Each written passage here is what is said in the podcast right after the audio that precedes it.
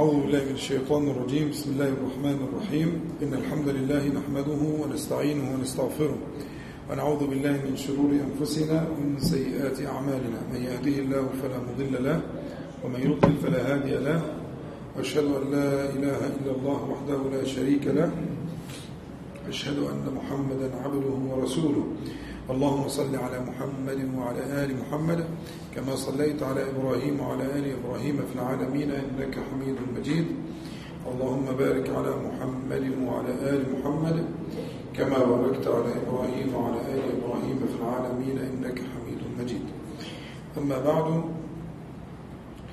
ف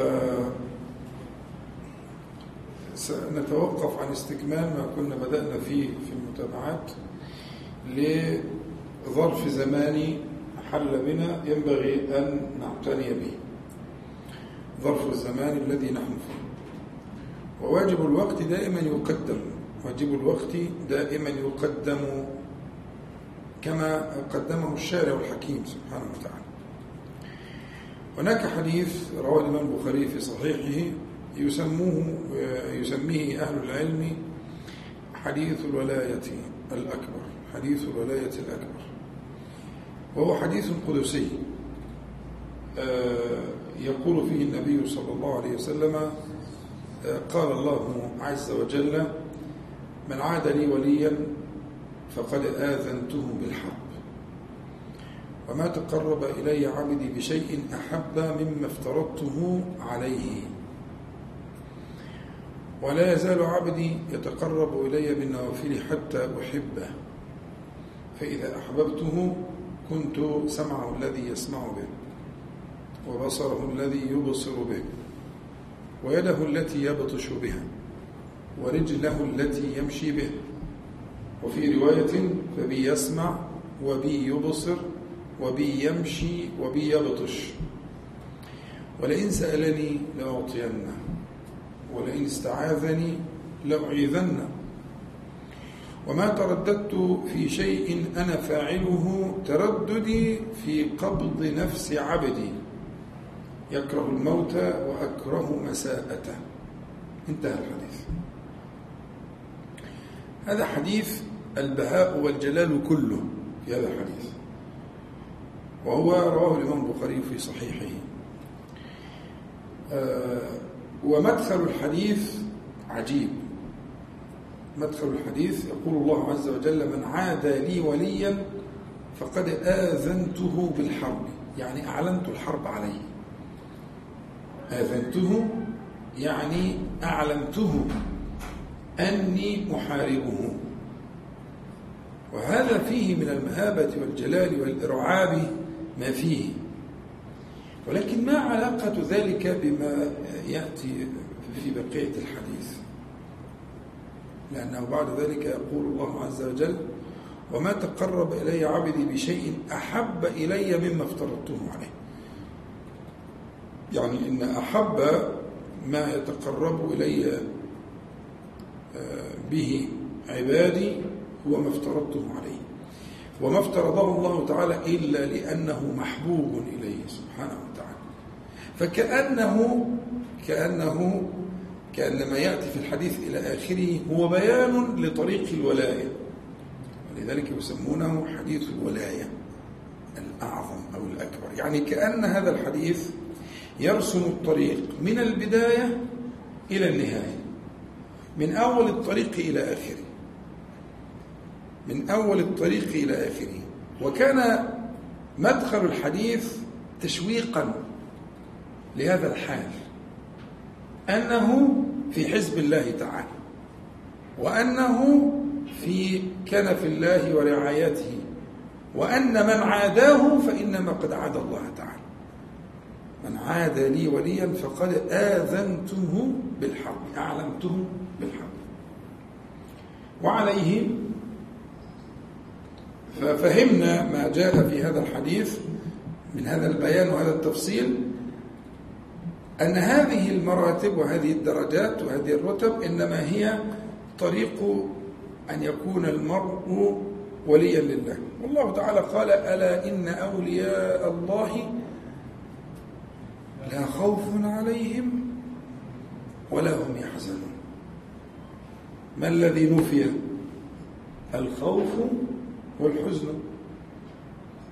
مع اختلاف في طريقة النفي يعني دقيقة كده لأهل التفسير. فالخوف نفي جنسه نفي نوعه نفي أصله والحزن نفي حاله. لكن الخوف هو ما يتعلق بالمستقبل والحزن يتعلق بالماضي. فأولياء الله تعالى لا هم مشغولين باللي فات ولا مشغولين باللي جاي.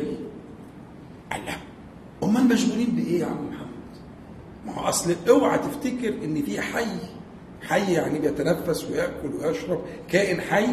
أوعى تفتكر إن في كائن حي مش مشغول. مستحيل.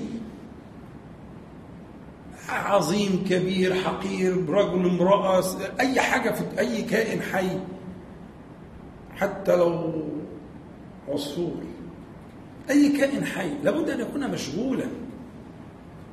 طول ما هو حي طول ما هو مشغول. طيب إذا كان فيه ناس ربنا سبحانه وتعالى وصفهم بأنهم لهم مشغولين باللي فات ولا مشغولين باللي جاي. يبقى مشغولين بإيه؟ رأيك أنت مشغولين بإيه؟ قول أنا عايز أسمعك.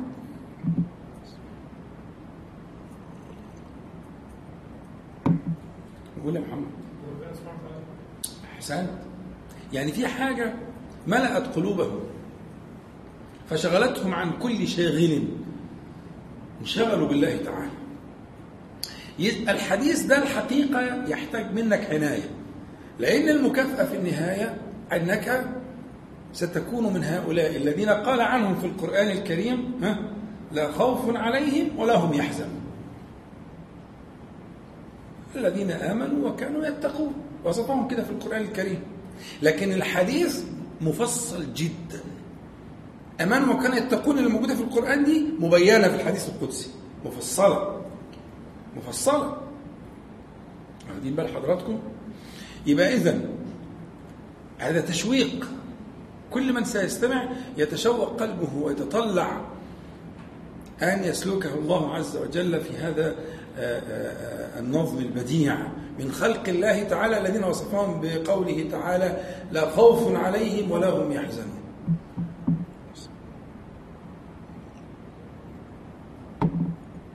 جميل. والبداية كما قلت بداية فخيمة جدا. من عاد لي وليا فقد آذنته بالحرب. طيب اتفقنا إن اللي جاي ده هو بناء الولاية. أول بناء الولاية في قوله تعالى إيه في الحديث القدسي؟ وما تقرب إلي عبدي بشيء أحب إلي مما افترضته عليه. فما تخالفش الترتيب الإلهي. إذا كنت عايز تسلك طريق الولاية وأن تصير وليا لله تعالى احذر احذر من مخالفة هذا الترتيب لأن هذا اختيار الله تعالى. فما جعله فرضا إنما جعله فرضا لأنه يحبه. يحبه. إذا تقديم الفرائض والعناية الفائقة بها أول علامات السلوك في طريق الولاية. وكل جنس فيه منه فرائض. كل جنس فيه منه فرائض. الحب فيه منه فرائض. البغض فيه منه فرائض. اوعى تفتكر جنس يعني الصلاة والصيام لا! موضوع أكبر من كده بكتير. كل جنس من أعمال الباطن ومن أعمال الظاهر في منه فريضة وفي منه نافلة. انت عليك بقى انك تفتش وتتعلم ونجلس مجالس الذكر دي. المجالس المباركة دي. نتعلم ما هي الفريضة في ذلك وما هي النافلة فيه. في كل عمل أعمال الباطن والظاهر. فالحب فيه ما هو فريضة وفي ما هو نافلة. والخوف كذلك الرغبة والرهبة كل كل أعمال القلب. وغير كده بقى أعمال الجوارح. الصلاة والصيام والزكاة والحج والعطاء والمنع والجهاد والأمر بالمعروف والنهي عن المنكر وتعليم العلم والدعوة إلى الله تعالى. كل كل ده كل ده. في منه ما هو فرائض ومنه ما هو نوافل. فقبل ما تقدم على العمل انظر إلى أحب العمل إلى الله إلى الله تعالى. أحب العمل إلى الله تعالى هو الذي افترضه جعله فريضة. فقدم العناية به على كل عناية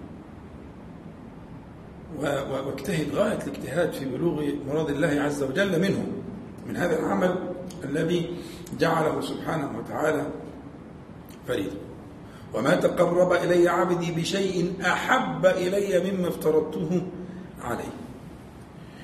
ولا يزال ده بقى إيه؟ باب مجاهدة. ملوش نهاية. له أول لا آخر له. كلمة ولا يزال دي تعني في أول ملوش آخره آخره تلاقي فيه النبي عليه الصلاة والسلام. آخر الطريق ده آخر السلم ده هتلاقي كده النبي عليه الصلاة والسلام في آخره. قد أشرق آخره بنور النبي عليه الصلاة والسلام في الآخر كده. آخر كل حاجة. آخر كل إحسان وآخر كل بر وآخر كل حب وآخر كل طاعة وآخر كل عمل وآخر كل صلاح وآخر كل تقوى. أما إني في البخاري أما إني أتقاكم لله وأعلمكم به. انتهت. هو اللي بيقول كده.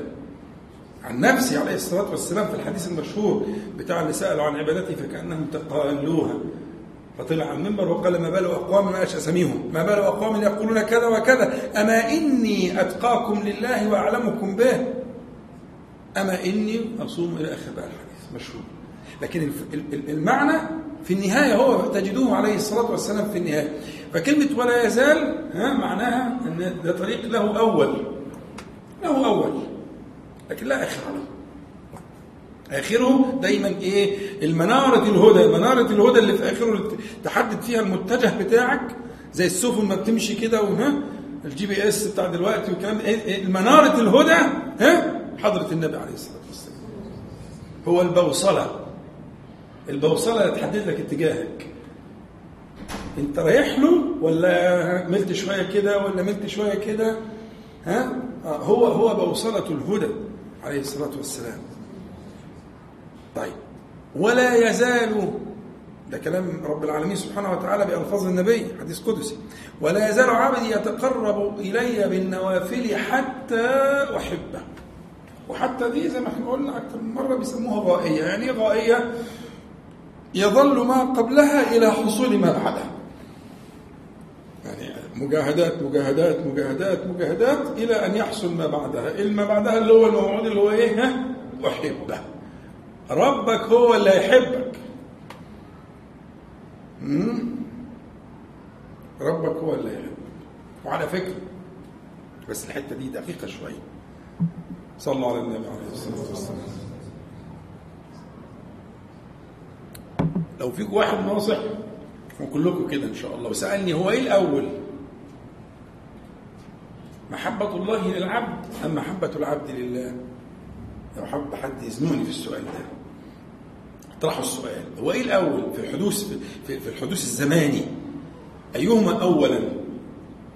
محبة الله تعالى للعبد ولا محبة العبد لله عز وجل؟ الجواب قطعا يقينا قولا واحدا محبة الله تعالى أولا. فإذا أحبه أذن له أن يحبه. ولذلك من يرتد منكم سورة المائدة. عن دينه فسوف يأتي الله بقوم ها؟ آه ده صحيح أهو. يحبهم ويحبونه. ثم والتوبة ثم تاب عليهم يتوب. لا ده المسألة أيوة قاعدة لا تنخرم. منه أولا أن يرضى منك شيئا فينعم عليك بالرضا. ينعم عليك بالتوبة أن تكون توابا. والله تعالى يحب التوابين فيأذن لك أن تتوب. ثم تاب عليهم ليتوبوا. فالناصح لما يجي يقول تب علي لأتوب. اللهم تب علي لأتوب. وكذلك المحبة. حتى يحبه. يبقى فإذا أحببته حصلت المحبة الإلهية صار بقى إيه؟ بالله يسمع وبالله يبصر وبالله يمشي وبالله يبطش يعطي بالله ويمنع بالله يحب بالله سبحانه وتعالى ويكره به جل جلاله. يعني باطنه وظاهره بالله. أعمال الباطن المحبة وال وال وال والبغض والكره والقرب والبعد إلى آخره وأعمال الظواهر العطاء والمنع والدفع وكل كله بالله سبحانه وتعالى. بمجاهداته بهذه المجاهدات ولا يزال عبدي يتقرب بنوافل النوافل دي اللي سنها النبي عليه الصلاة والسلام. والفرائض دي اللي فرضها ربنا سبحانه وتعالى الأصل كده. فدي علاقة القرآن بالسنة. دي علاقة القرآن بالسنة. الفرائض التي فرضها الله تعالى سواء في قرآنه أو على لسان النبي صلى الله عليه وسلم. فجاء النبي عليه الصلاة والسلام ومهد لكم الطريق. وأخذ بأيدينا إلى الله تعالى بالنوافل السنن. بهذه الموصلات إلى محبة الله عز وجل. فشرع لنا صلى الله عليه وسلم تلك المستحبات وتلك النوافل. ولا يزال عبدي يتقرب إلي بالنوافل حتى أحبه. فيبقى من غير من غير ما يتكلف بلا تكلف من العبد أبدا لا يعطي إلا بالله ولا يمنع إلا به ولا يرضى إلا به سبحانه وتعالى ولا يغضب إلا به جل جلاله. آه والرواية دي زي الرواية دي قريبين من بعض بس الرواية بتشرح رواية. كنت سمعه فبي يسمع هي نفس المعنى. ولئن سألني لأعطينه ولئن استعاذني لأعيذنه. فصار مجاب الدعوة. صار مجاب الدعوة. صار عزيزا على الله تعالى. صار قريبا من الله تعالى. ولئن سألني لأعطينه ولئن استعاذني لأعيذنه. وما ترددت في شيء أنا فاعله. ترددي في نفس في قبض نفس عبدي. من محبة الله له لا يريد أن يقطع هذا ال هذا ال ال ال ال ال الجمال من العبودية. لا يريد أن يقطعه ولكن كتب ذلك سبحانه وتعالى على عباده. ترددي في قبض نفس عبدي يكره الموت مش يكره الموت ويكره الموت عشان انقطاع الذكر والعمل الصالح. والجهاد في سبيل الله وأكره مساءته يكره مساءته علاقة علاقة راقية جدا وعالية جدا ينبغي أن يتفكر فيها أهل الإيمان. طريقها تعظيم الفرائض وما حف النبي صلى الله عليه وسلم تلك الفرائض بالإيه؟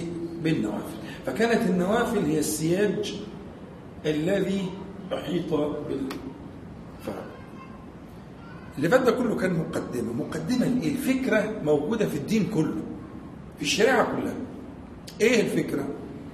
كلما عظم الشيء كلما عظم الشيء في الشريعة جعل الله له حرما سياج حواليه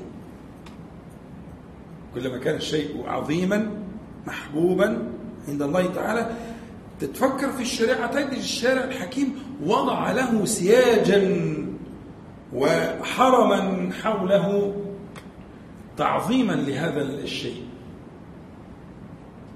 فالأماكن في الأرض كثيرة لكن المكان اللي ربنا عظمه في الأرض اللي هو مكة المكرمة. واختارها الله تعالى وهي أحب البلاد إلى الله كما صح من كلامه صلى الله عليه وسلم. جعل لها حرما وجعل لها مواقيت فلا يدخلها الناس كما يدخلون سائر البلاد. ولكن يدخلونها بأداب وأحكام كلها من من من من باب التعظيم والإجلال لهذا المكان المبارك الذي اختاره الله تعالى. وكذلك كل الأعمال والأحوال و فهتجد في عندنا حرم زماني وحرم مكاني يعني حرم للزمان وحرم للمكان وحرم للأعيان. فحرم الأعيان زي حرم مكة كده. عين مكة لها حرم من كل الجهات وحرم ده حرم ال- ال- ال- ال- العين. ال- ال- حرم الزمان صح أن النبي صلى الله عليه وسلم كان آه، يصوم شعبان كله. كان يصوم شعبان إلا قليلا يعني عشان ما يبقاش أتم شهرا صياما آه، غير رمضان. فكان يفطر يوم مثلا عليه الصلاة والسلام يوم. لكن شعبان كله صيام. فكان صيام شعبان كالحرم لرمضان. زي مثلا شرع علينا النبي عليه الصلاة والسلام السنن القبلية للصلوات. السنن القبلية ما هي إلا حرم حرم للفريضة. فاللي بي بي بيسمع الأذان ويعظمه ويتخلى قبل أن يتحلى ويتوضأ كما شرحنا من قبله وأن يكون الوضوء سبيلا إلى طهارة الباطن ثم يسير إلى المسجد ويقول الأذكار ثم يدخل المسجد ثم يصلي السنة القبلية. كل ذلك إعداد. كل ذلك حرم ليبلغ آه، آه، آه، آه، المراد من من من من من الفريضة. لكن الانتقال الف- الفجائي اللي, اللي أغلب الناس بيعملوه يبقى في اعماله وفي شغله وفي كلامه حتى ممكن أحيانا تجد بعض الشباب للأسف ألاقيهم بيتكلموا لغاية لما دخلوا قربوا من الصف وهم بيتكلموا. يعني ممكن كلام كويس كلام مش مش كلام يعني لكن هذا يعني ليس فيه من الإجلال والتعظيم اللائق بال- بالصلاة. المفروض إن أنت في عملية إعداد كانت بتتم قبليها. هذا الحرم السابق لصلاة الفريضة من السنة القبلية. أنت كنت بتستعد كما كان يستعد صلى الله عليه وسلم بالسنة القبلية ويحسنها وكما كان يستعد لصيام رمضان هذه الفريضة المعظمة بصيام شعبان كل شعبان إلا يوما ولا حاجة ها؟ فكذلك هذا هذا هذه القاعدة قاعدة مستشرية في الشريعة. كل ما عظم الله عز وجل تجد أنهم كانوا آه، يتبعون النبي صلى الله عليه وسلم فيه آه، في آه، جعل حرم قبله ل- ل- ل- للإعداد والبلوغ حتى يبلغ. زي ما أنت سمعت في الحديث ال- القدسي أنك لن تبلغ ذلك إلا بالموا- بالمواظبة والمجاهدة ولا يزال عبدي يتقرب إلي بالنوافل.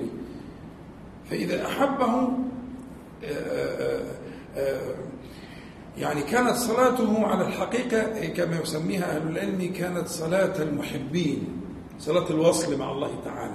كان الذكر ذكرا ذكرا كأنه يرى ما, ما, ما يسمع أو ما يدري إذا فهذه القاعدة القاعدة ال- ال- الجليلة دي أن يكون لكل ما عظم الله تعالى ها حرم. حرم. فاكرين الحديث بتاع الأسبوع اللي فات؟ الا إن لكل ملك حمى لازم يكون في حرم. حرم. تقديس لهذا الشيء. هذه قاعدة. السبب في تقديري والله أعلم إن ال وجود الحرم في في صلاة أو في صيام أو في كده إلى آخره يحصل غايتين الغاية الأولى أن يبلغك الإحسان في تلك الفريضة أن يبلغك الإحسان في ده. يعني أنت لن تبلغ الإحسان من أهم أسباب بلوغ الإحسان في الفريضة ال- ال- القادمة سواء إذا كانت صلاة أو صيام أو غيره أن تحسن هذا الحرم فإتقانك للحرم واستعدادك في الحرم يبلغك الإحسان. والإحسان له رتبتان. الرتبة العليا أن تعبد الله كأنك تراه. وال- والرتبة التي آه، هي الأولى التي تسبقها أن تعلم أن الله تعالى يراك. فلن يبلغ المرء إحسانا حتى يعظم الحرم الذي جعل الله لتلك الفريضة. والإحسان في الفريضة غاية أهل الدين. فالدين كما في حديث آه، جبريل عليه السلام الدين إسلام وإيمان ها وإحسان. فغاية أهل الدين أن يبلغوا الإحسان. الإسلام بأركانه الخمسة الإيمان بأركانه الستة. الرتبة العليا هي رتبة رتبة الإحسان. وأعلاها أن تعبد الله كأنك تراه. فمما يعينك ومما يبلغك الإحسان أن تتقن أن تتقن هذا الحرم وأن تعظمه. آه، آه، أنا دايما كنت أقول لإخواننا لما نكون في عمرة أو رايحين كده ما تبقاش مستعجل وأنت رايح إنك أنت تروح الحرم و... وتعمل العمرة وأنت جعان وتعبان وعايز تخش مش عارف إيه. اطلاقا. ده انت براحتك خالص وتنام وتاكل وت... وتروح تعمل العمره وانت رايق. وانت قايم بكل ال... ال... ال... كل ما تستطيع من شهود وحضور للقلب. لكن رايح علشان تسقط من على كتفيك الله غني عن ذلك. فمن ال من ال من توفيق الله تعالى لعباده الصالحين أنهم يحسنون يحسنون ما جعل الله تعالى من الحرم لفرائضه. يبقى مسألة الإحسان هي المقصد الأول. المقصد الثاني من من المقصدين اللذين قلت لكما هو مقصد محبة الله تعالى اللي هو في قوله آه، تعالى في الحديث القدسي ولا يزال عبدي يتقرب إلي بالنوافل حتى أحبه. فإتقانك كمثلا لسنة مواظبتك على سنة مثلا الفجر. مواظبة تامة وتحاسب نفسك عليها وتجتهد إنك أنت تستيقظ في وقت يعني يمكنك من أدائها على الوجه الذي يرضي الله تعالى. ثم تصلي سنة الظهر. وترتب أحوالك إنك سنة الظهر لا تضيع منك. وأنت كذلك أنت حريص على أن تقدم. وخلي بالك إن السنن في وقت النهار المتعلقة بالصلوات أكثر من السنن في وقت الليل. ليكون فيها من مدافعة شواغل النهار وشواغل الدنيا. فلا تزال تجاهد نفسك وتحاسب نفسك على حتى يشرح الله تعالى صدرك فتجد نفسك إذا دخلت صلاة الظهر أو صلاة العصر أو صلاة الفجر يكون ما يكون من الأرزاق سيما الفجر. لأن الفجر فيه نص. الله تعالى يقول وقرآن الفجر إن قرآن الفجر كان مشهودا مع أن كل الصلاة فيها قرآن لكن الفجر له خصوصية. فأنت تستعد. بحسن الإعداد لهذا القلب بالأشياء التي قلناها من تعظيم الأذان وتعظيم الطهارة الظاهرة والسعي للتوسل للباطنة وإلى آخره ثم الحرص على ما يكون بين يدي تلك الصلاة. الركعتين دول وسيلة سلم للترقي. الركعتين اللي بين يدي صلاة الفجر دول سلم للترقي. الترقي عشان إيه؟ عشان قرآن الفجر. إن قرآن الفجر كان مشهودا. الإمام ابن القيم وغيره بيقولوا إن الشهود ده مش شهود ملائكة بس لأن شهود الملائكة موجود في كل الصلوات مشترك بين كل الصلوات. ولكن هذا الشهود في صلاة الفجر هو شهود إلهي. يقول وهو استمرار للنزول الإلهي في الثلث الأخير من الليل وينقضي بقراءة الفجر فهو شهود خاص. ولذلك أنا شخصيا لما بروح أصلي الفجر ببقى مستني الرزق. أقسم بالله هذا ما بيني وبين الله تعالى. ببقى متأكد أن ربنا هيرضيني بحاجة.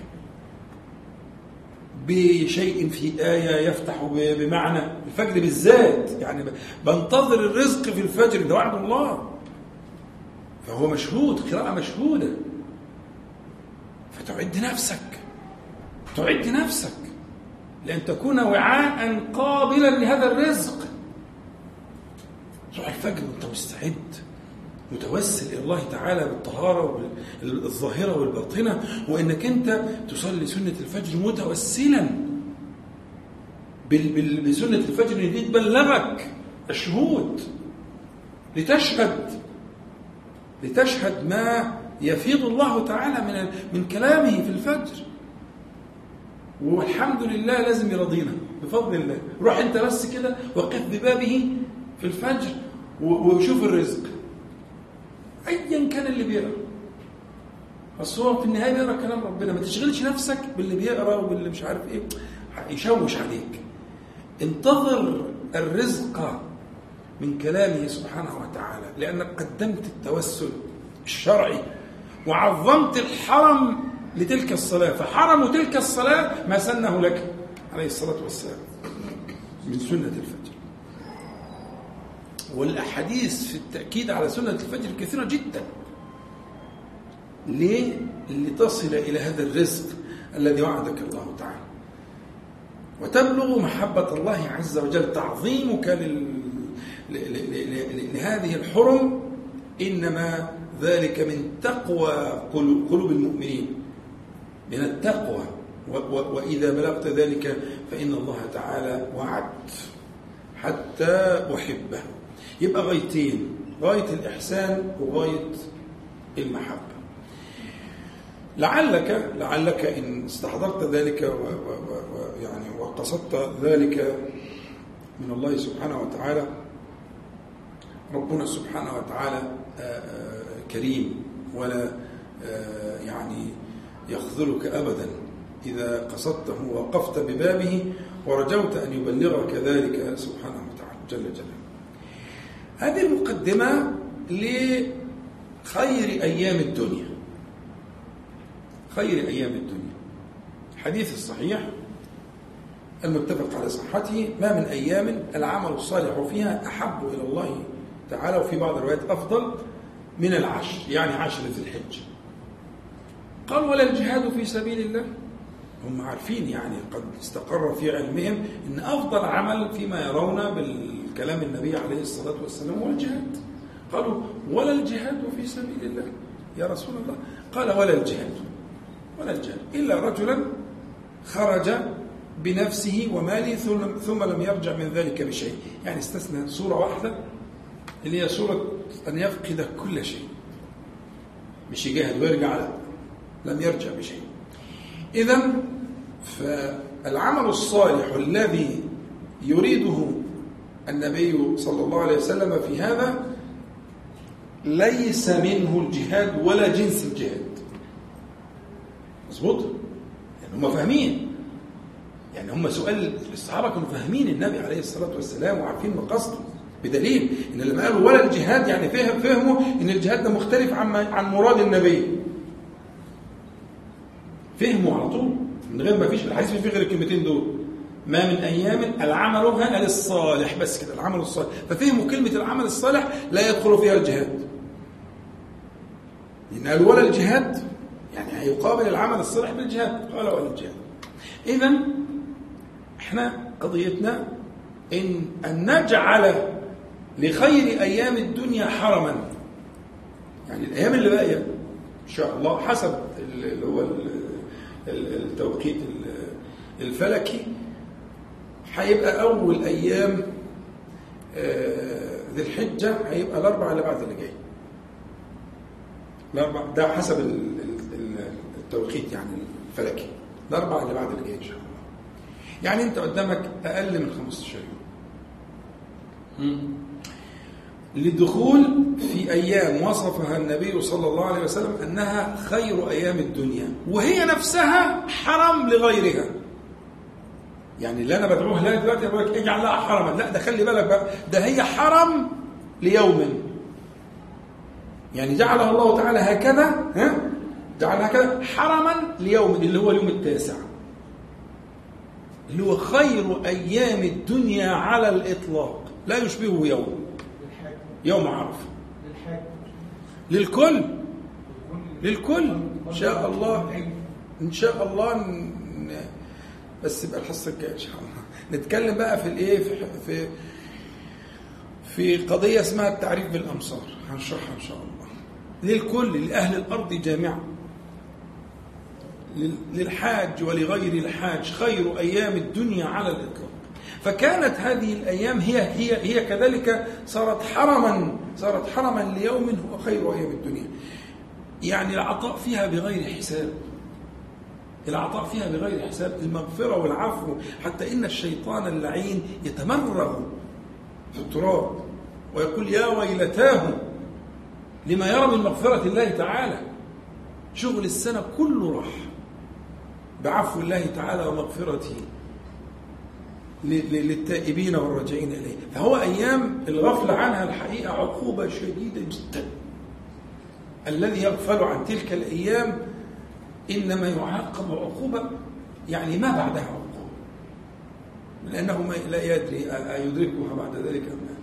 فما أتحدث عنه من الأيام القادمة إن شاء الله القليلة حتى نبلغ بداية العشر هي هو يكون حرما وإعدادا للنفس ومراجعة للدفاتر القديمة وإعدادا للنفس لبلوغ تلك الأيام المباركات الأيام التي لا تشبهها أيام خير أيام الدنيا.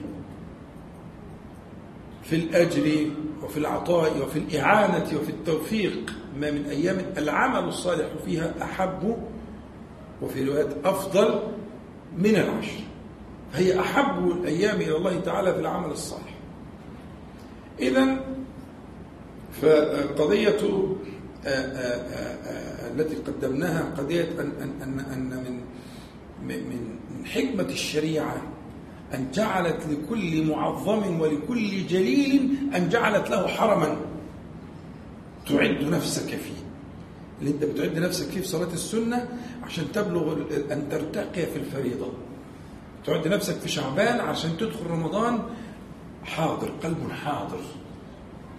لا يفجأك الصوم ولكن تصوم ثم تصوم ثم تصوم إعدادا لبلوغ الرتبة التي يحبها الله تعالى منك في رمضان. وهكذا.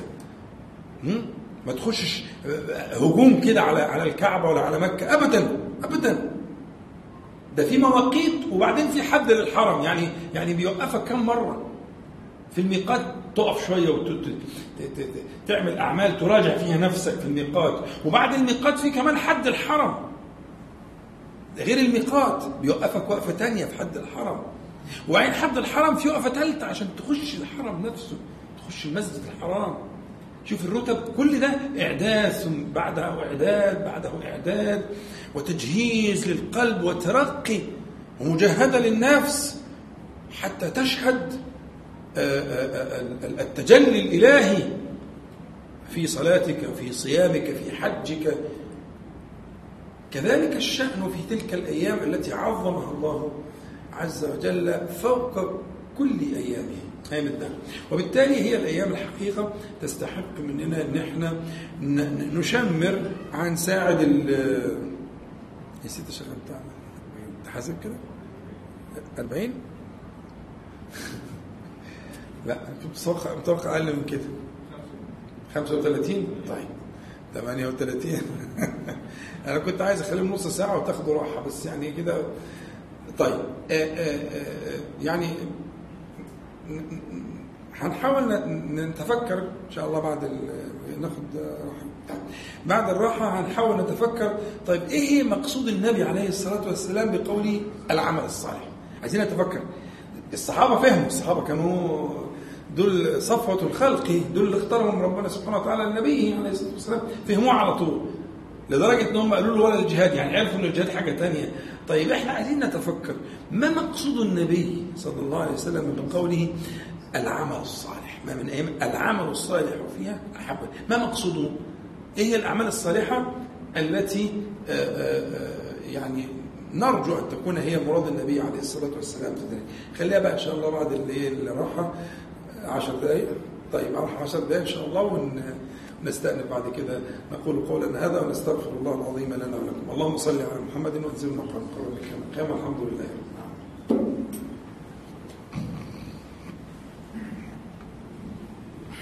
الحمد لله نحمده ونستعينه ونستغفره ونعوذ بالله من شرور أنفسنا ومن سيئات أعمالنا.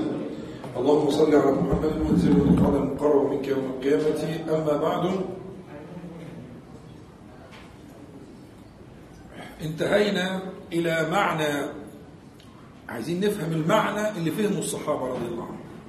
إحنا تأكدنا دلوقتي إن الصحابة رضي الله عنهم لما قال النبي صلى الله عليه وسلم فيما رواه الشيخان ما من أيام العمل الصالح فيها أحب إلى الله تعالى من العشر. قالوا ولا الجهاد؟ ففهموا أن الجهاد ليس داخلا في ما أراد النبي صلى الله عليه وسلم من العمل الصالح في حاجة؟ طيب.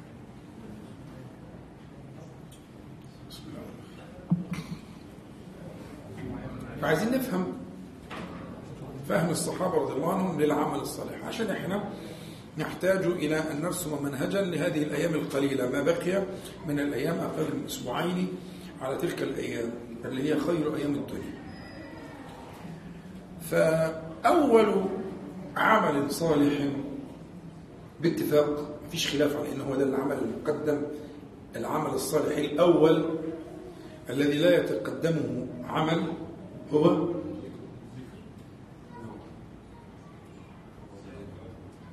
هو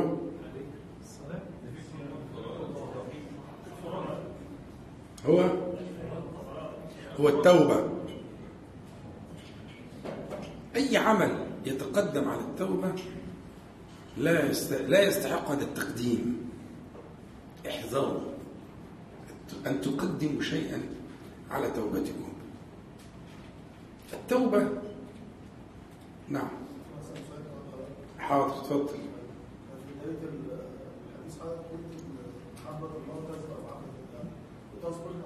نعم قلت ذلك حاجة التوبة طب أنا فهمت إن في الأول إن إذا ما وقعش اختيار ربنا سبحانه وتعالى عليا مهما أنا عملت مش هقدر.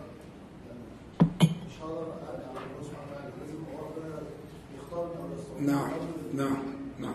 فدي عملت لبس. خلاص نزيل اللبس. طب هناخد الايه ناخد حاشية عشان نجمع السؤال ده ونرجع اللي كنا فيه. عشان إيه برضه ده عامل شبهة. صلوا على النبي عليه الصلاة والسلام. عندنا آية في سورة الأنفال في آخرها كده. ربنا تعالى يقول يا أيها النبي قل لمن في أيديكم من الأسرى. إن يعلم الله في قلوبكم خيرا يؤتكم خيرا مما أخذ منكم ويغفر لكم فهنا الخطاب لمين؟ لأسرى. يعني لا حيلة لهم في حتى في أنفسهم. ولكن خاطبهم الله تعالى أو جعل النبي صلى الله عليه وسلم يبلغهم هذا البيان والبلاغ. المطلوب منكم أن أن أن أن ينظر الله تعالى في تلك القلوب فيرى ما يحب. فسيعوضكم ويغفر لكم وإلى آخره. وادخلوا في ركب الإيمان. فهي أنا أقول إن البداية في رتبة المحبة والبداية في رتبة التوبة اللي هي التوبة هي رتبة الرتب. يعني في عندنا كتاب مشهور معروف اسمه كتاب مدارج السالكين. شرح كتاب تاني اسمه منازل السائرين. منازل السائرين. بتاع واحد اسمه الهروي. والكتاب بتاع مدارج السالكين بتاع شرح لهذه المنازل للإمام ابن القيم رحمه الله. رحمه الله الجميع. الكتاب ده بيقول المنازل يعني خطوات السير إلى الله تعالى. في إياك نعبد وإياك نستعين. هذه المنازل منازل إياك نعبد وإياك نستعين. فمنزلة المنازل هو بيقول دي منزلة المنازل يعني إيه؟ يعني مش هتحط فيها رحالك وبعد ثم تتركها وتنتقل للمنزل لا ده بيحصل في كل المنازل إلا المنزلة دي. المنزلة دي مستصحبة في الطريق من أوله إلى آخره. اللي هي منزلة إيه؟ التوبة. ده المنزل الوحيد الذي يستصحبه السائر إلى الله تعالى من أول الطريق إلى آخره. فالمبتدئ يتوب. والمنتهي ها؟ مين المنتهي؟ النبي عليه الصلاة والسلام. مش إحنا اتفقنا إن آخر الطريق ده هنلاقي فيه حضرة النبي صلى الله عليه وسلم بأنواره ها؟ مش كده؟ قلنا أنوار النبي صلى الله عليه وسلم في آخر الطريق الهدى دي الهداية ده الطريق دي هذه الصور العلامات المنارة.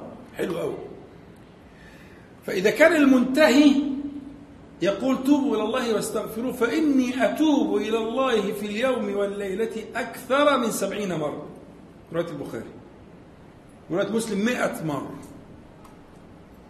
كنا نحصي على في السنن ابن عمر كنا نحصي على النبي صلى الله عليه وسلم في المجلس الواحد يقول رب اغفر لي وتب علي إنك أنت التواب الرحيم أكثر من مئة مرة. يعني ده اللي بيسمعوه.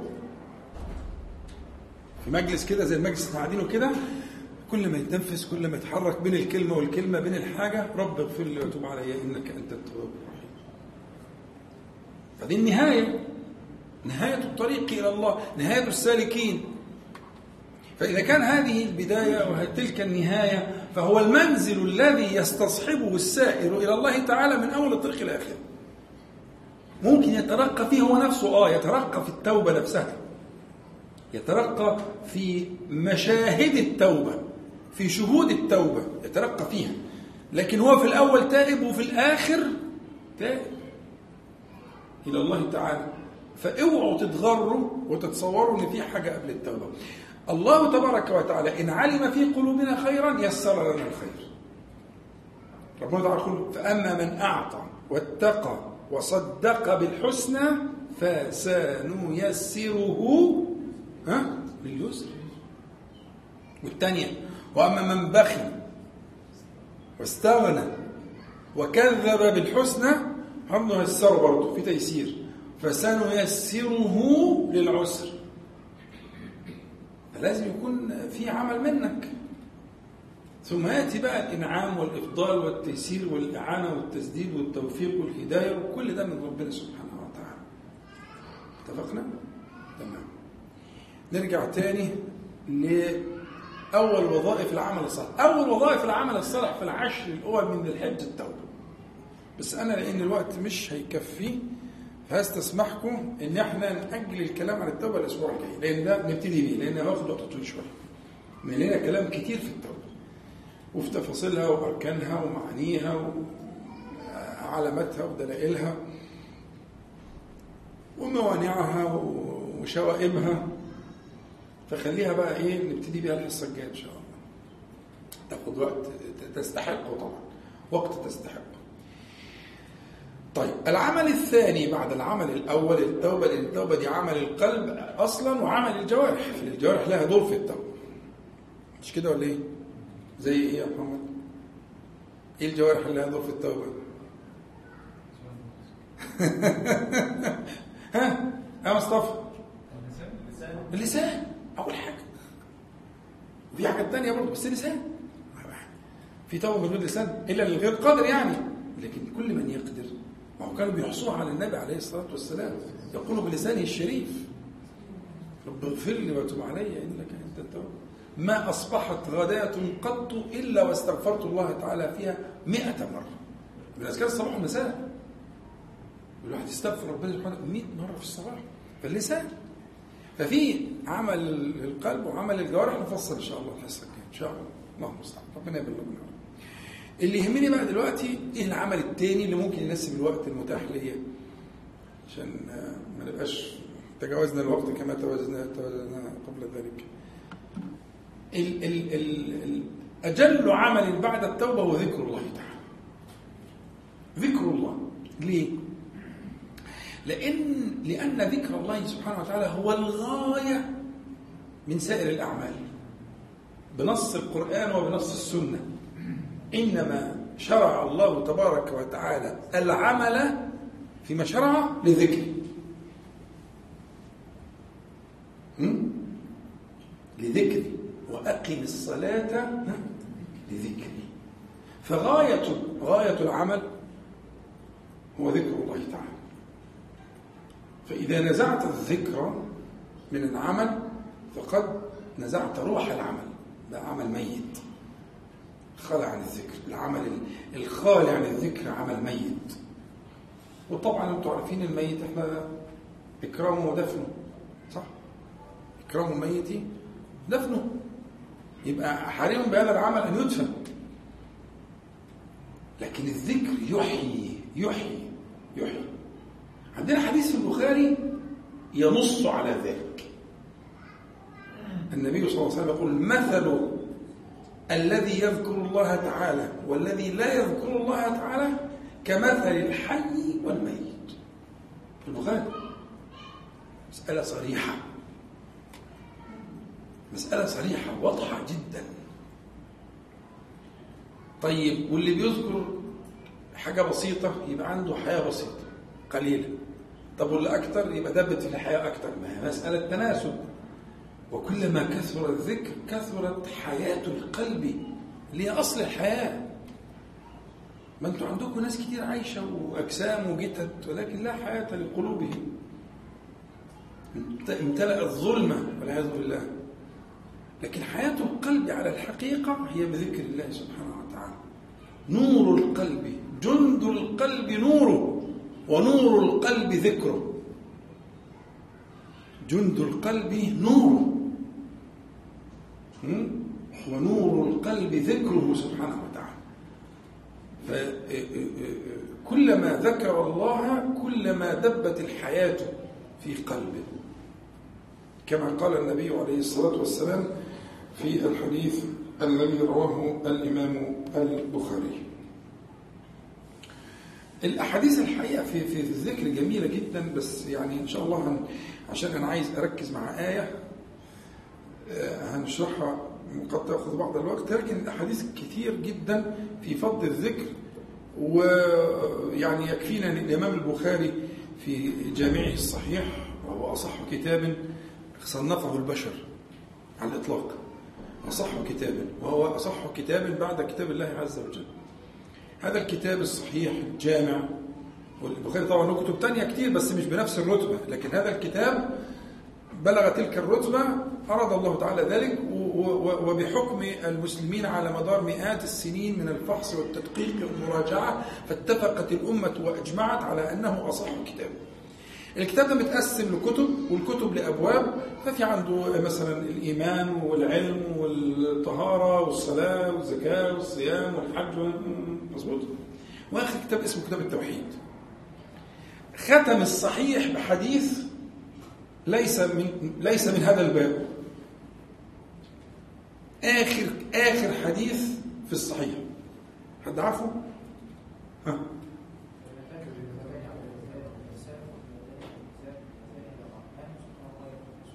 أحسنت.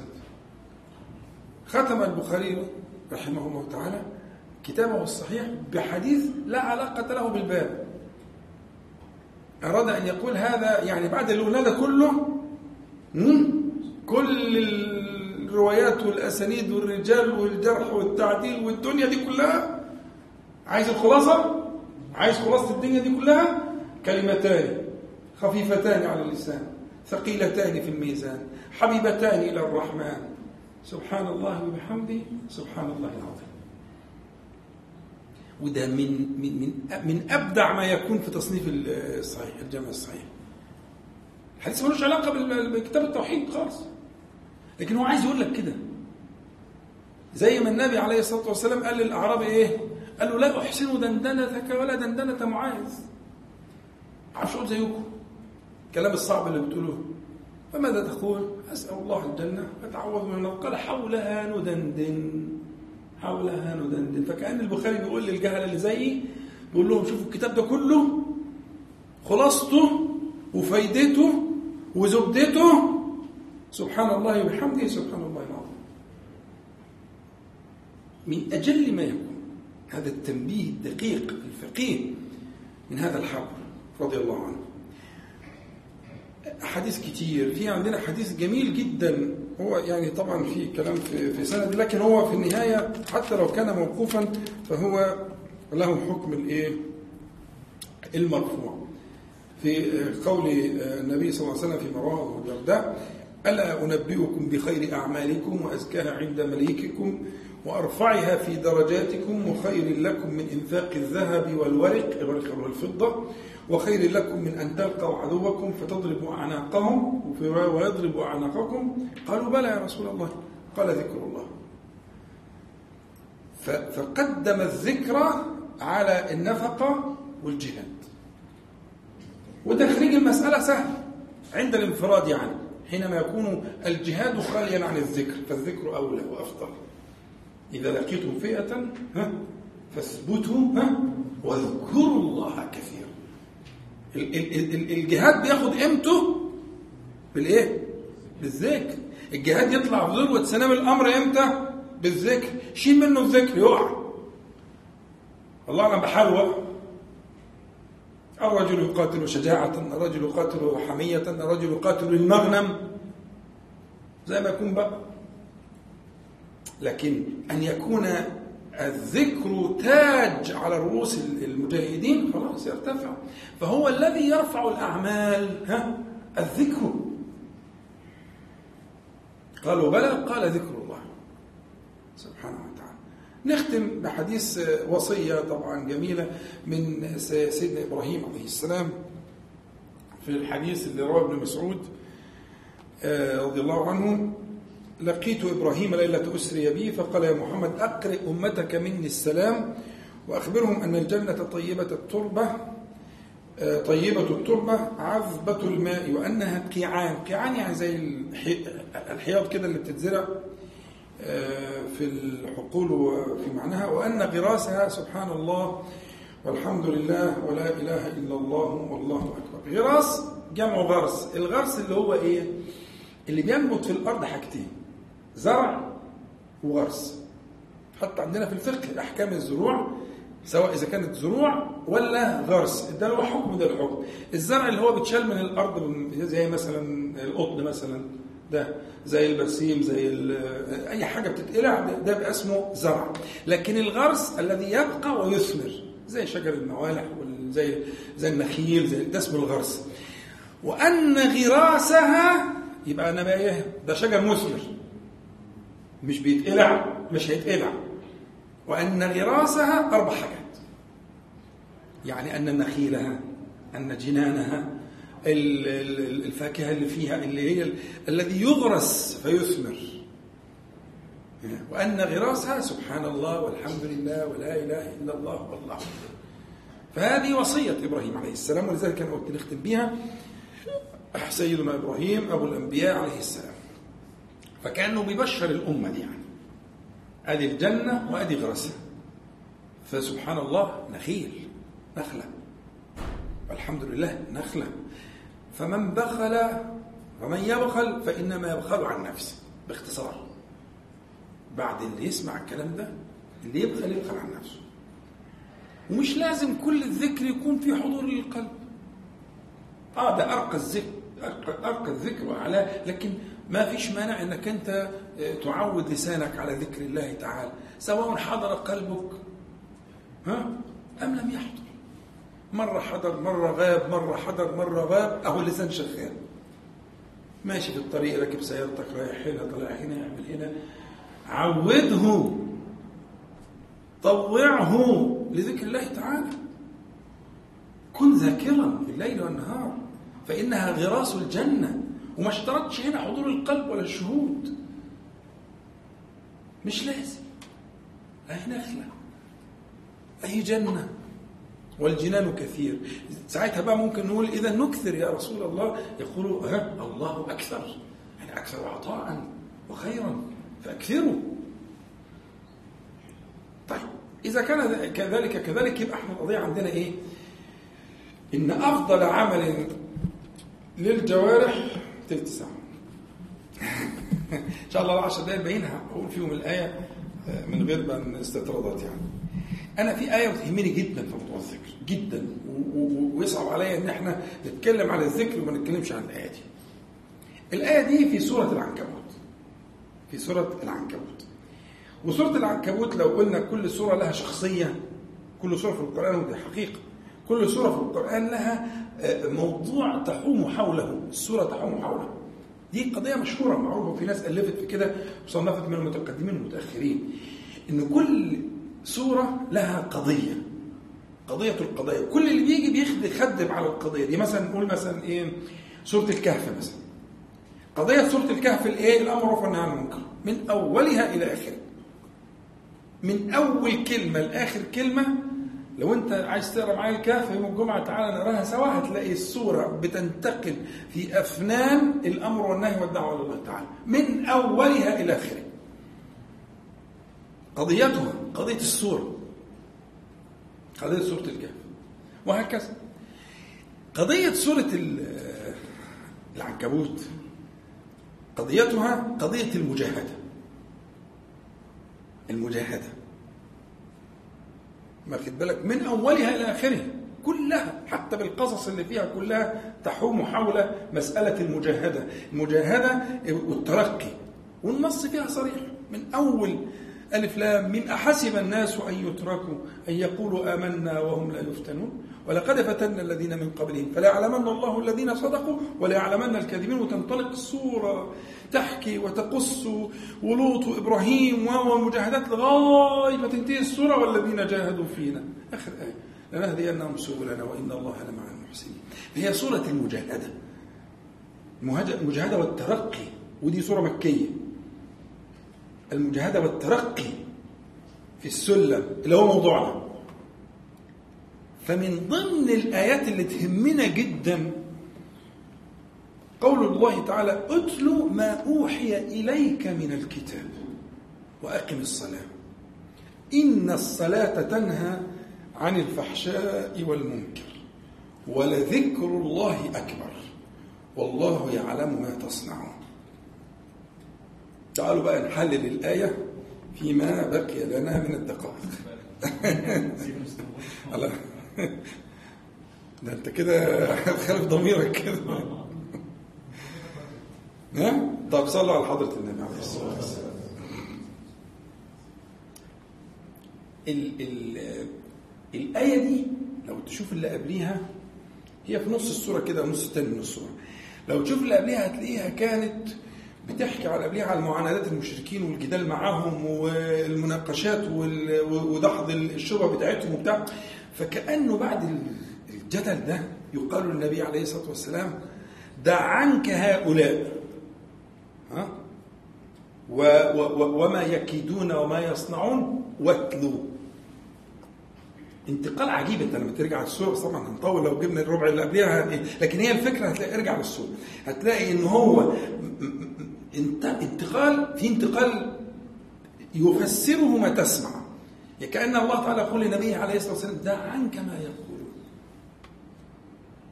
ماذا أصنع؟ أتلو ما أوحي إليك من الكتاب. حلو قوي أتلو ده فعل أمر. له معنيان له معنيان. في القرآن كله. أتلو بمعنى أذكر بلسانك واتلو بمعنى اتبع. والقمر إذا ها؟ تلاها فتلا لها معنيان. تلا تلا. تلا يتلو اتلو. ده فعل أمر. تلا يتلو اتلو. تمام؟ فعل أمر. الفعل ده له معنيان. بالبلدي كده طبعا له اشتقاق وقصة ما تناسبش المقام. لكن له معنيان. المعنى الأول التلاوة الذكر باللسان والمعنى الثاني ها؟ الاتباع. والقمر إذا تلاها يعني تبعها تبعها حلو قوي يبقى هنا المعنيين مقصودين الاثنين مقصودين. المعنيين مقصودين. اتل ما أوحي إليك من الكتاب يعني اذكره بلسانك هتسكن قلبك. وما يهمكش العالم دي ولا تنشغل بيهم. فسيكفيكهم الله. اتل بس اتلو اتلو بمعنى إيه؟ ها؟ بلسانك. اتل ما أوحي إليك من الكتاب. والثانية مقصودة برضه يعني اتبع اتبع أمره ونهيه اتبع شرعه. طبعا المقصود بكده إحنا مش النبي عليه الصلاة والسلام إن هو خير متبع وخير خلق الله وخير من عبد الله تعالى وخير من ذكر الله تعالى صلى الله عليه وسلم. إحنا الكلام ده ليه أنا وأنت. ليه أنا وأنت. أتلو بمعنى أذكر وأتلو بمعنى إيه؟ اتبع. حلو قوي أتلو ما أوحي إليك من الكتاب. وأقم الصلاة. العطف هنا العطف هنا ممكن يكون عطف آآ آآ بمعنى عطف الخاص على العام. يعني اتبع سيما في إقام الصلاة. يعني ما هو أصل اتبع هتكون بما أمر وقد أمر بالصلاة. مش كده ولا إيه؟ حلوة. أقم الصلاة لدلوك الشمس إلى غسق. الله إلى آخره. حلو قوي يبقى هنا خص الله تعالى في الاتباع إقام الصلاة وأقم الصلاة. يعني اتبع كل ما أوحي إليك وعلى وجه الخصوص. ما يدفع عنك الكيد وما يسكن قلبك. ها؟ ما إحنا اتكلمنا من السورة من الأول مش من الأول يعني من الجزء اللي قبل الآية دي هي قصص الايه الحجج الكفار وال والتلبيس اللي بيعملوه والكلام التشنيع اللي بيقولوه في قضايا الكفر والشرك وكده. دع عنك ذلك واتلو بمعنى اتبع وخصوصا على وجه الخصوص الايه؟ ها؟ الصلاة. بس الصلاة هنا مش مأمور بأن يصلي. لكنه مأمور بإيه؟ ها؟ أن يقيم. وخلي بالك فرق كبير جدا بين قول القائل صلي وقول القائل أقم الصلاة. إيه الفرق؟ الفرق صلي دي موجودة في الحديث. صلوا كما رأيتموني أصلي. لكن أقم الصلاة اللي هي موجودة في القرآن كله أقم الصلاة. مفيش في القرآن كله ولا موضع واحد صلي أو صلوا. إنما المأمور إقامة الصلاة. وإقامة الشيء يعني إيقاعه على الوجه القويم. المستقيم على حد الكمال على قدر ما تطيقون. فهنا أمر النبي صلى الله عليه وسلم ومن خلفه الأمة بإيقاع الصلاة على الوجه الأتم الأكمل. بمعنى إيه؟ أقيموا الصلاة وأقم الصلاة. يبقى أقم الصلاة معناها فلتكن على الوجه الأتم الأكمل بأركانها ويدخل في كده المواظبة. إن من من إقامة الصلاة المواظبة عليها يبقى إيقاعها على النحو الذي يحبه الله تعالى في الظاهر والباطن ثم المداومة المواظبة المداومة عليها من إقامتها. يبقى أتل ما أوحي إليك من الكتاب وأقم الصلاة. إن الصلاة إحنا اتفقنا قبل كده؟ إن أي أمر أو نهي يجي بعديه إن تبقى دي معناها إيه؟ التعليل. ودي عندنا في أصول الفقه بيسموهم مسالك العلة. يعني إزاي نعرف علة الحكم؟ إحنا عندنا أمر ولا مش عندنا أمر؟ عندنا أمر. أمر بعديه أمر.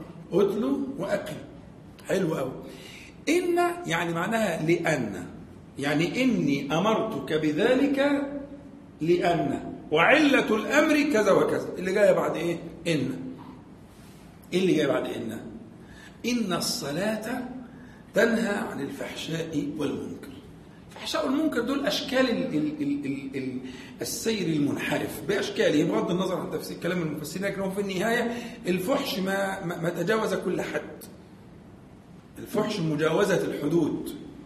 والمنكر ما ينكره الطبع والنفس. ما تنكره الطبع والنفس القويمة السليمة. فهم ده باختصار لأن في التفسير هتلاقي حاجات كتير. إن الصلاة تنهى إني أمرتك بذلك لأن الصلاة تنهى عن الفحشاء والمنكر. كل أشكال الإيه الاعوجاج واخدين بال حضراتكم؟ طيب كلام جميل جدا. جينا بقى الايه آه للبحث اللي هو إحنا جايبينها عشان الذكر. أنت جايب لنا الآية دي عشان تدللنا على إيه؟ على معنى الذكر وتقول لي. يعني مكانة الذكر. ولذكر الله أكبر. أكبر ده أفعل تفضيل. وأفعل التفضيل معناه إن في كبير وفي إيه؟ وما ينفعش تقول أكبر من حاجة صغيرة. ما ينفعش. إلا إذا كان على سبيل السخرية. مظبوط؟ يعني ما تجيش على قصير قوي تقول إيه أنا أطول منه. دي ما تنفعش في كلام العرب إلا إذا كانت على سبيل السخرية. لكن إذا ذهبت إلى المفاضلة في الصفات فمعناها تحقق الصفة في المفضول وتحققها أكثر في الفاضل. فلازم عشان أقول أكبر يكون في إيه؟ ها؟ كبير. بداية كده صح؟ ده الاصل الكلام. قد يخرج الكلام عن أصل أحيانا صح. أحيانا يجي أفعل تفضيل على غير بابه ويبقى معناه المبالغة بس صح كلام مظبوط. لكن أنا بتكلم عن الأصل. الأصل إن أفعل التفضيل يأتي للمفاضلة بين متحقق الصفة ومن هو؟ فاضل في الصفة. بين كبير وأكبر. يبقى اذا هنا لو مشيناها على القاعدة دي هيبقى عندنا في كبير وفي إيه؟ ولذكر الله أكبر في إيه؟ يبقى أكبر في النهي عن الفحشاء والمنكر. وده المعنى المتبادر. طبعا الموضوع فيه معاني كتير بس إحنا إن شاء الله هنتدرج فيه عشان إيه؟ ما نغرقش. لأن أنت لو دخلت في التفاسير هتلاقي فيه كلام كتير جدا. لكن إحنا بنبسط الموضوع. يبقى ولذكر الله أكبر يعني معناها أكبر في النهي عن الفحشاء والمنكر. يعني إن الصلاة تنهى وإن الذكر ينهى.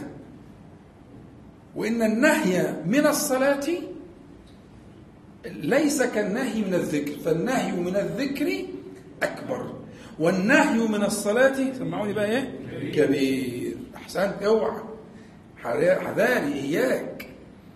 الصلاة تنهى عن الفحشاء لكن الأعلى في النهي عن الفحشاء والمنكر أن تذكر الله تعالى. مظبوط؟ يبقى ده معنى جميل. الناس قالوا ذكر الله هو الصلاة. ذكر الله هو الصلاة. بدليل فاسعوا إلى ها؟ ذكر الله. إذا نودي للصلاة من يوم الجمعة ها؟ فاسعوا إلى وذكر الله هنا باتفاق المفسرين إيه؟ الصلاة. صلاة الجمعة. بما فيها من الخطبة وإلى آخره. لأن لو الخطبة بس منفردة لا تصح. المقصود الصلاة. ومع الصلاة من الإيه؟ من الذكر. طيب. في ناس قالوا لا الموضوع بره كده ولذكر الله إياكم أكبر من ذكركم له. خرجوا بره الموضوع أصلا. في ناس قالوا الكلام ده. لكن المختار والوجيه في الكلام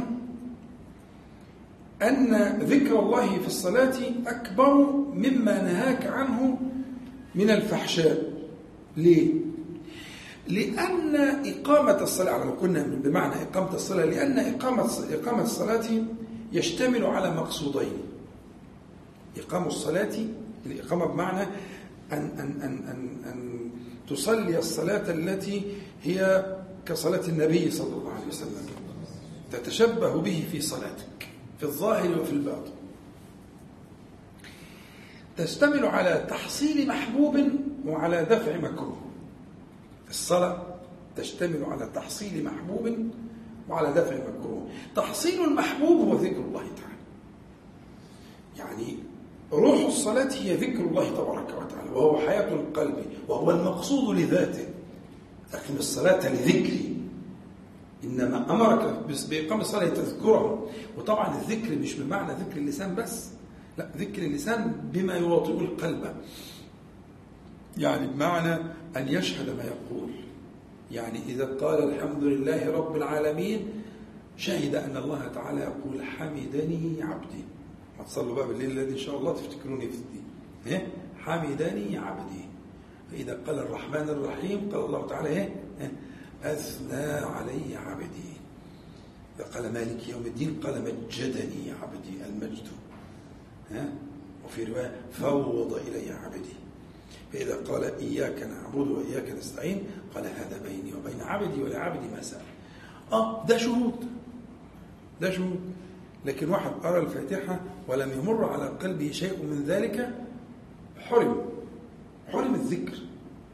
الذكر اللي هو ضد الغفلة يا جماعة مش الذكر اللي هو حركة اللسان. حركة اللسان كما قلت لكم مرارا عاملة زي المؤشر. مؤشر العدة اللي انت شغال عليها. المؤشر ده وظيفته إنه يديلك حالة الموتور. حالته إيه؟ فالمؤشر لا, لا, لا يكون مقصودا لذاته إنما هو دلالة على الحال الباطن. فحركة اللسان إنما هي في الحقيقة مؤشر. فلتكن العناية الأولى بحال القلب. فتحصيل المحبوب هو المقصود لذاته. ثم هناك دفع مكروه وهو مقصود لغيره. فالنهي عن الفحشاء والمنكر كأنه من بركة الصلاة من من من من ثمرة الصلاة لكن أصل المقصود في الصلاة هو ذكر الله تبارك وتعالى. ولذكر الله أكبر يعني ولذكر الله تعالى في الصلاة أكبر مما نهاك عنه من الفحشاء فهو الأكبر والمقصود الأكبر. عايز تحط كلمة المقصود الأكبر. هو المقصود الأكبر من الصلاة. ثم يأتي مقصود تابع. المقصود التابع اللي هو النهي عن الفحشاء والمنكر. لكن المقصود الأكبر والمقصود الأكبر من الصلاة هو ذكر الله تبارك وتعالى. وده أرجح الأقوال في الآية. والآية زي ما أنت شايف آه، آه، منهاج في الحقيقة لما يتعرض له الناس آه، من كلام هؤلاء ومن دفع هؤلاء ومن تشويش هؤلاء. دع عنك ذلك كله واتلو اتلو ما أوحي إليك من الكتاب وأقم الصلاة على على الوجه الذي يحبه الله تبارك وتعالى. وأقم الصلاة. إن الصلاة لأن الصلاة لها مقصودان. المقصود الأعظم ذكر الله تعالى والمقصود التابع أنها تنهاك عن الفحشاء والمنكر. والله يعلم ما تصنعون. أسأل الله تعالى أن ينفعنا جميعا بما قلنا وما سمعنا وأن يجعل حجة لنا لا علينا اللهم صل على محمد النبي وأزواج أمهات المؤمنين وذريته وآل بيته كما صليت على آل إبراهيم إنك حميد مجيد. والحمد لله رب العالمين. نقول جميعا سبحانك اللهم ربنا وبحمدك. أشهد أن لا إله إلا أنت. أستغفرك وأتوب إليك. جزاكم الله خيرا. آه حاضر. إحنا طبعا أثرنا جامد في الموضوع ده الحقيقة. فيعني إحنا آه، بالنسبة آه، لأخينا محمد رحمه الله ابن أخينا المهندس صبري. آه، ف يعني واجب ال- أن- نذكره في دعائنا في الجمع وفي في الخلوات ولعل الله سبحانه وتعالى أن يجعله فرطا لأبيه وأن يجعله ذخرا له ولوالديه وأن يغفر لنا وله ويرحمنا وإياه رب العالمين ويتجاوز عنا وعنهم وأن يجعل قبره روضة من رياض الجنة رب العالمين. وأن يوسع مدخله وأن يكرم نزله وأن ينور قبره وأن يؤنس وحشته سبحانه وتعالى وهو أرحم الراحمين جل جلاله تبارك وتعالى. ونسأله سبحانه وتعالى آه، أن يربط على قلب والديه الكريمين وعلى قلب ذويه وأحبابه آه، وأن يجمعنا بهم جميعا في مستقر رحمته. اللهم صل على محمد وانزله مقعدا مقرر منك يوم القيامة. الحمد لله. جزاكم الله خير